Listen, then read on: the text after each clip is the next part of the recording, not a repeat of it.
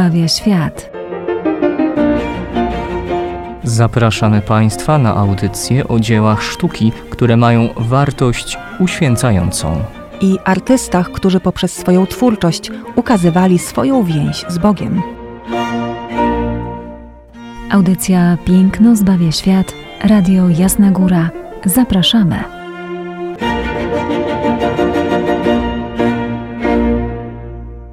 Witamy Was ponownie, drodzy radiosłuchacze, e, w audycji Piękno zbawia świat. Izabela Banaszewska. I ojciec Tomasz Mordziałek. Dzisiaj wypłyniemy z Wami w morze. Piękne morze, wzburzone morze, a kto z nami na tym e, morzu, oprócz e, konkretnej, że się tak wyrażę, łajby i wręcz fantastycznej ryby, Myślę, że już może wiecie, o kim mowa, a to o proroku Jonaszu. Dzisiaj chcemy nad tą postacią z wami się pochylić okiem e, Paula Brilla, flamandzkiego e, artysty, który przedstawia nam historię e, z życia tegoż proroka. Księga dobrze nam znana, też przytaczana przez samego Jezusa w Ewangelii. Niewielkie cztery tylko rozdziały opisujące wspaniałą historię troski Boga o człowieka, ale również i buntu człowieka względem misji powierzonej mu przez Boga, jak i ogólnie buntu na samego Boga takim, jakim on jest, a dalej nawet po prostu na to, że jest miłosierny i łaskawy. Historia Jonasza tak naprawdę od pierwszych wieków chrześcijaństwa była niezwykle lubianą. Pierwsi chrześcijanie, których wspólnota znajdowała się jeszcze w podziemiach, jeszcze w katakumbach. Uwielbiali właśnie tę postać i właściwie moglibyśmy powiedzieć, że z kilku powodów. Powodów naprawdę było dość dużo. Po pierwsze, zazwyczaj Jonasz ukazywany był w temacie burzy. Temat burzy, statku miotanego falami miał oczywiście podwójne znaczenie. Ilustrował z jednej strony historię Jonasza, z drugiej strony symbol mocy Boga. Ta moc Boga pokonywała wszystko to, co niemożliwe, tak? Była silniejsza niż żywioł. W konsekwencji to, że Jonasz przebywał trzy dni w brzuchu ryby zesłanej przez Boga, także stanowiło analogię do e, Chrystusa, który zmartwychwstaje po trzech dniach od swojej śmierci. Dodatkowo jeszcze e, w symbolu morza widziano symbol tego świata, a więc e, wspólnota Kościoła identyfikowała się w tym momencie bardzo mocno ze statkiem, na którym płynie i miotana jest wszelkiego rodzaju przeciwnościami, trudnościami, zmaganiami. No a dodatkowo jeszcze maszty krzyżujące się pod kątem prostym przypominały o znaku zbawienia, którego jeszcze wtedy nie można było malować. Było to zbyt świeże po śmierci Jezusa. Znak krzyża kojarzył się z czymś bardzo niegodziwym. A zatem historia Jonasza, tak jak mówię, od wieków, już od trzeciego wieku chrześcijaństwa, była z ludzkością, była z chrześcijanami i była wciąż obecna. I wciąż nas chyba fascynuje, ojcze, patrząc na ten obraz, który przed nami. Na pewno i gdy wczytujemy się w tą historię raz za razem, myślę, że możemy wiele rzeczy odkryć dla samych siebie, bo ona jest i tak została skonstruowana troszeczkę niejako lustro dla e, naszego ja, e, to co się w nas dzieje, jakie my mamy e, całe podejście do, do Boga, do Jego działania. Prorok Jonasz, y, Żyd pobożny, nie powiedziałbym, e, na pewno uznający istnienie Stwórcy, otrzymał misję, aby iść do Niniwy, aby upomnieć ją, gdyż jej nieprawość doszła do Boga. I co postanowił zrobić tenże prorok? No wiemy dobrze, po prostu zwiał. Nie chciał wejść w misję Boga. Dlaczego? E, czy z lenistwa, e, czy nie chciał po prostu podejmować jakiejkolwiek misji, bo takie miał, widzi mi się, czy miał po prostu problem z tym, że Bóg zatroszczył się o lud, który jest przeciwnikiem ludu wybranego, ludu Izraela, a mianowicie e, Niniwitów. Izraelici, jeśli chodzi o, o, miasto Niniwę, o cały, cały kraj, no mieli z nimi totalnie na pięku, byli pod ich jarzmem, byli okupowani przez nich. Wyobraźmy sobie historię taką, że jesteśmy podczas zaborów, a nawet ewentualnie podczas II wojny światowej i nagle któryś z naszych rodaków dostaje zadanie i misję idź e, do Berlina i tam teraz nawracaj wszystkich mieszkańców, głoś im, aby się nawrócili, bo niechybnie zginą. No to najprawdopodobniej w okresie okupacji czasów, tak, II wojny światowej czy zaborów, byśmy powiedzieli, to niech giną, po prostu będziemy, my będziemy wolni. E, to, co krzywdy nam zrobili, niech teraz e, dostaną mm, odpłatę, tak, oko za oko, ząb za ząb. Możliwe, że to była główna motywacja Jonasza. Zaczyna e, uciekać do e, Tarsisz, przeciwną stronę wręcz. E, wsiada na statek i odpływa. Zasypia spokojnie, prawie że snem sprawiedliwego, podobnym snem, który Jezus na łodzi, gdy byli na jeziorze Genezaret, gdy rozpętała się burza, chyba spał, bo Bóg chcąc obudzić swojego proroka, chcąc y, napomnieć go, przypomnieć mu o jego mis misji, tworzy y, konkretny sztorm, y, konkretną burzę, która jest niebezpieczeństwem dla wszystkich, ale jego to nie rusza, samego proroka. I co się dzieje? I tu jest pewien paradoks, że na statku, którym są poganie, wyznawcy innych bogów i Jonasz, to ci poganie są przerażeni. To oni wołają, to oni się modlą, oni szukają przyczyny, aż w końcu znajdują ją w postaci proroka Jonasza. Nie Jonasz, on nic nie woła do Boga.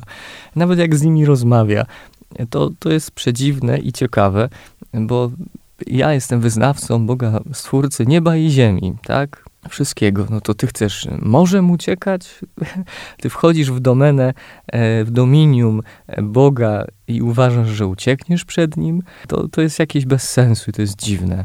I, I postawa dalej proroka jest postawą dalej ucieczki, bo on nie modli się do Boga, mówiąc przestań, dobra, wygrałeś, pójdę e, do Niniwy, wypełnię swoją misję. Nie, powiedział, wyrzućcie mnie za burtę, nie? Lepiej, żebym zginął, żeby jednak pochłonęły mnie fale morskie. Wy będziecie mieć spokój, ja też będę miał spokój. A to też przewrotne myślenie, bo e, chcę, aby ci poganie splamili się e, jego krwią po prostu, żeby go zamordowali. A że on ma niby czyste ręce, tak? No przecież zabili mnie, wyrzucili mnie za burtę. To, to naprawdę wszystko jest w tej księdze przedziwne, czasami śmieszne, jak spojrzymy z odpowiedniego kątu e, na to. I to jest ten moment, który daje nam e, Brill w swoim obrazie. Moment, w którym to e, żeglarze wyrzucają Jonasza wprost w ogromne fale morskie, Dodatkowo jeszcze otrzymujemy niedaleko statku, na którym płynęli, już tą dobrze znaną nam Jonaszową rybę. Czy to był wieloryb, czy to był jakiś inny nieznany gatunek, nie wiemy.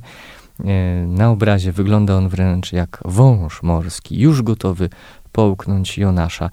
I tu też do tego trzeba się chyba od razu odnieść. Bóg nie pozwala umrzeć swojemu prorokowi na pełnym morzu wskoczmy e, do wody. Jeśli nie potrafimy pływać, a nawet jeśli umiemy pływać, to prędzej czy później utoniemy i jest po nas. Tym bardziej w trakcie sztormu, w trakcie burzy. Więc interwencja Boga e, przez istotę żywą, jaką była ta ogromna ryba, była: Ja ci nie pozwolę zginąć. Musisz wypełnić, musisz. Chcę, żebyś wypełnił swoją misję. Dlatego cap i dopiero we wnętrzu ryby Jonasz zaczyna coś e, rozważać, lekko się nawracać, ale co ciekawe, nie przeprasza Boga za swoje postępowanie, tylko uznaje, że podejmie swoją misję i działanie. Jakie dalej były e, perypetie Jonasza, i jak dalej był uparty względem swojej misji, e, starał się dalej niby w nią wejść, a jednocześnie zepsuć. Nie dawał z siebie 100%. To było takie od niechcenia. Takie, żeby jednak ona nie wypełniła się aby nie skończyła się pozytywnie, żeby nie został osiągnięty sukces w tej misji. Starał się e, to tak wszystko zrobić przedziwne, naprawdę. Polecam e, Wam krótka księga, naprawdę. Mimo e, czterech rozdziałów, to i tak one są krótkie, a gdy się człowiek w to, w to wgryzie, to naprawdę no, no może się uśmiechnąć uśmiechnąć się z powodu e, Jonasza, ale może się też i uśmiechnąć z powodu e, swojego postępowania, które nieraz potrafi być przewrotne do takiego stopnia, że aż e, patrząc z boku śmieszne. My dziś zatrzymamy się na tym wątku historii Jonasza, który dotyczy właśnie tej scenerii morskiej, bo Jonasz już od czasów, tak jak mówiłam, wczesnochrześcijańskich przedstawiany jest w kilku różnych sytuacjach. Pierwszy taki moment, kiedy wsiada na statek, kiedy statek znajduje się obok na falach, natomiast sam Jonasz siedzi we wnętrzu ryby. Taką chociażby scenę mamy z przepięknej mozaiki w Akwilei. No i trzecia taka scena ukazująca Jonasza siedzącego pod tak zwaną pergolą. Kiedy to już przeszedł po Niniwie, Niniwa zaczęła się nawracać, a on on jest dość poirytowany całą tą sytuacją i troszeczkę zaczyna walczyć z Bogiem. Nie jest zadowolony z tego tytułu, że mieszkańcy Niniwy pokazali swoją ogromną wiarę. Nie do końca jest z tego powodu szczęśliwy, siedzi pod pergolą i odpoczywa. Oczywiście tam ym, dotykają go kolejne konsekwencje relacji z Bogiem. Ale zatrzymajmy się właśnie na tej scenie morskiej, którą specjalnie dla nas zaserwował tutaj Paul Brill. Generalnie jest to artysta, o czym jeszcze nie powiedzieliśmy, flamandzki, a więc mamy do czynienia y, ze sztuką rejonu Antwerpii, ale malarz ten działał w Rzymie. Niewiele wiemy o Paulu Brillu, zanim przybywa on do Rzymu, gdzie znajduje się już wcześniej jego brat Mateusz. Paul Brill pochodzi z rodziny artystycznej, więc tak jak w większości przypadków ten start w życie malarza jest bardzo ułatwiony. Malarzem jest właśnie jego starszy brat i sądząc po cechach stylistycznych, gdzie naprawdę mamy ogromny kłopot z tym, aby rozpoznać, który z braci jest autorem jednego czy drugiego obrazu, widzimy, że Paul Brill mógł być uczniem swojego starszego brata.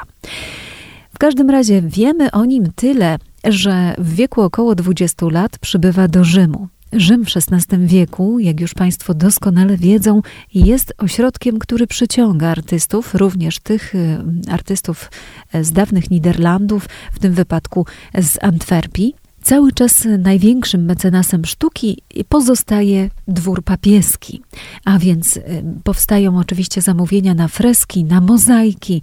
Tutaj y, powstanie także e, fresk w słynnych schodach Scala Santa e, przy Lateranie, który powtarza, a tak naprawdę to nasz e, obraz powtarza kompozycję tegoż fresku, ponieważ nasz obraz datowany jest na około 1590. Fresk jest o kilka lat wcześniejszy.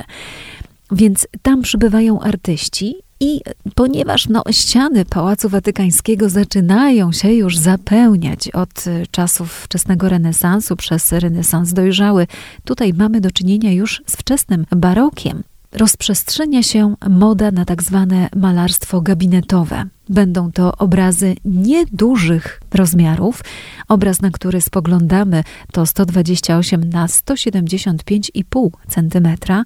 Są to dzieła sztuki oczywiście ruchome, które można przenosić i powiesić w dowolnym gabinecie. Dodatkowo jeszcze nasi artyści Paul i Mateusz są znani jako e, artyści zajmujący się głównie pejzażem. No i tutaj mamy pejzaż morski. Jeśli chodzi o pejzaż, to tutaj także dochodzimy do pewnego takiego zakrętu w dziejach historii sztuki. pejzaż zaczyna powolutku funkcjonować jako oddzielny gatunek, ale wciąż jeszcze powiązany jest z postacią główną, dla której stanowi bardzo ważne tło e, historyczne. No, tutaj mamy akurat pejzaż morski, marinę, ale jeżeli przyglądamy się tym odmętom morskim, tym wzburzonym falom, e, tym ostrym skałom, które mamy z prawej strony obrazu, kłębiącym się chmurom, jesteśmy już naprawdę bardzo blisko pejzażu romantycznego. Jaka będzie różnica między tymi pejzażami? Otóż w pejzażu romantycznym to on sam będzie grał pierwszą rolę. I poprzez pejzaż artysta będzie nam mówił o swoim stanie duchowym, o e, swoim stanie psychicznym, będzie mówił do nas poprzez obraz. I tutaj zacznie się już czas, kiedy to obrazy będą znajdywać ludzi, e, swoich oglądających, którzy odnajdą się, odnajdą właśnie swój stan psychiczny czy duchowy w jednym czy drugim dziele sztuki. Tutaj jesteśmy troszeczkę na pograniczu. Z jednej strony pejzaż mówi do nas bardzo mocno, z drugiej strony jednak wciąż stanowi tło dla wydarzenia biblijnego, dla wydarzenia historycznego ze Starego Testamentu. I tak jak już mówiłam, wszystkie elementy pejzażu romantycznego już tutaj mamy, a więc ten niepokój, kłębiące się morze, skały i postać ludzką osadzoną w środku tego żywiołu. Ale jest jeden element, który absolutnie do pejzażu romantycznego nie pasuje. Tym elementem jest oczywiście ketos. Ketos, czyli ta wielka ryba zesłana przez Boga dla ocalenia, dodajmy, Jonasza. No on oczywiście w tych falach, w tej burzy kłębiącej się z całą pewnością nie ocalałby, gdyby nie to, że Pan Bóg rozkazał rybie połknąć Jonasza, a później rozkazał tej samej rybie wypluć go w okolicach Niniwy, aby mógł pełnić e, swoją misję. Ryba, która tutaj no, ojciec wspomniał, że wygląda jak prawie jak wąż morski. No na pewno jest to ryba drapieżna. Widzimy po jej zębach. Trochę suma może przypominać jakiegoś gigantycznego. Jest tutaj elementem, jakby nie patrzeć, fantastycznym. I to w tym obrazie decyduje, że możemy ten obraz zaliczać do słynnych capricci, które Paul i Mateusz malowali właśnie na terenie Rzymu z pojęciem capricci już się spotkaliśmy, rozmawialiśmy, e, drodzy Państwo, o takich pejzażach, o takich krajobrazach, które posiadały fantastyczną architekturę. No tutaj architektury w zasadzie nie mamy. W odległości, w oddali widzimy, e, widzimy e, miasto, z którego statek wypływał do Tarszisz. Była to Jaffa. W niewielkiej odległości od y, samego miasta rozpętała się na morzu ogromna burza, w wyniku której załoga zmuszona była właściwie przez samego Jonasza, bo on sam im podpowiada. Oni pytają się, co mamy zrobić wobec tego. O, Jonasz sam podpowiada: Musicie mnie wyrzucić. No i tutaj mamy dokładnie tę scenę. Zauważmy, że y, z lewej strony tego obrazu morze jest uspokojone, z drugiej strony jest na tyle spienione, że znów ciężko nam zobaczyć, gdzie ono, w którym miejscu ono łączy się z tymi skłębionymi chmurami. Także jest już taki element romantyczny. On będzie rozwinięty e, w obrazach e, Williama Turnera, gdzie zupełnie już nie będziemy wiedzieć, gdzie zaczyna się, gdzie kończy się spienione morze, a gdzie zaczynają się chmury. I w tym wszystkim światłość. Tutaj ponieważ mamy do czynienia właśnie z burzą tej światłości. Zbyt wiele nie mamy, ona jest rozproszona po całym obrazie, źródło światła nie jest ustalone. Ale co dla nas ważne, właśnie owa ryba, która stanowi element fantastyczny i która, tak jak już wspominałam, decyduje o tym, że mamy do czynienia E, z capricci, a więc ze scenami, e, które oparte są o wydarzenie historyczne lub przedstawiają fragment autentycznej rzeczywistości, ale wprowadzają do niej elementy bajkowe. No i właśnie na coś takiego e, patrzymy, spoglądając na obraz Paula Brilla. Pełnej historii proroka Jonasza nie przytoczyliśmy jak zachęcałem, tak zachęcam dalej, by sięgnąć e, po tą księgę e, ze Starego Testamentu, ale tak konkludując e, i też w sumie jak to Bóg zrobił z Jonaszem, bo całość historii nie kończy się w pełni jakimś happy endem dla proroka, Chociaż bo... mieszkańcy Niniwy się nawrócili i to jest potężny Dokładnie. happy end. Tak, dla nich, ale sam prorok jest w jakimś rozdarciu i nawet nie wiemy, czy zrozumiał w pełni katechezę, którą też i Bóg mu dał e, odnośnie do drzewka rycynusowego, e, jak i również tego, czy, czy potrafił przyjąć e, miłosierdzie Boże, które się rozlewa na, na wszystkich, bo Bogu zależy na każdym człowieku. Nie wiemy tego, wprost księga nam e, tego nie podaje, więc nie wiemy też, jakie były dalsze losy tego e, zbuntowanego proroka, proroka, który po prostu miał e, żal do Boga, nie potrafił w pełni go przyjąć takim, jakim on jest. Tu mi się przypomina chociażby przypowieść o robotnikach w winnicy, którzy pracowali cały dzień, a którzy pracowali tylko chwilę, e, gdzie każdy dostał denara za dzień, a ci, co pracowali cały dzień, no to powinniśmy dostać więcej, nie? Ale czy się nie umawiałem z wami na denara za dzień? Czemu wy e, przeszkadzacie mi w, być w tym, że chcę być dobry? To myślę, że to jest podobny wyraz między innymi w, w tej księdze proroka Janasza, ale nie tylko. Starajmy się na pewno nie być jak Jonasz pod wieloma względami, ale mm, gdy sięgniemy po lekturę tejże księgi, uśmiechając się nad jego perypetiami i postawą, też może nie tyle, gdy zobaczymy swoje wady, swoje niedociągnięcia i odstępstwa od Boga, niekoniecznie może popadajmy w smutek, lecz e, też uśmiechnijmy się w tej, e, w tej sytuacji, że po prostu z boku to naprawdę może wyglądać nieraz komicznie i brakuje w tym jakiejś tej logiki, którą Bóg stara się nas e, uczyć, której stara się nas wykształcić. A obraz naszego flamandzkiego Paula Brilla niech pomoże nam też zanurzyć się i bardziej wyobrazić sobie e, całość e, tejże, mimo wszystko, wspaniałej i pięknej historii.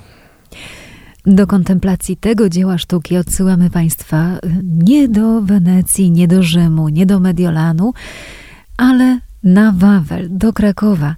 Także dostępny jest, drodzy Państwo, w gabinecie holenderskim na zamku na Wawelu. Można pojechać, można mu się przyjrzeć i raz jeszcze kontemplować historię proroka Jonasza. Dziś dziękujemy już Państwu za uwagę i zapraszamy za tydzień.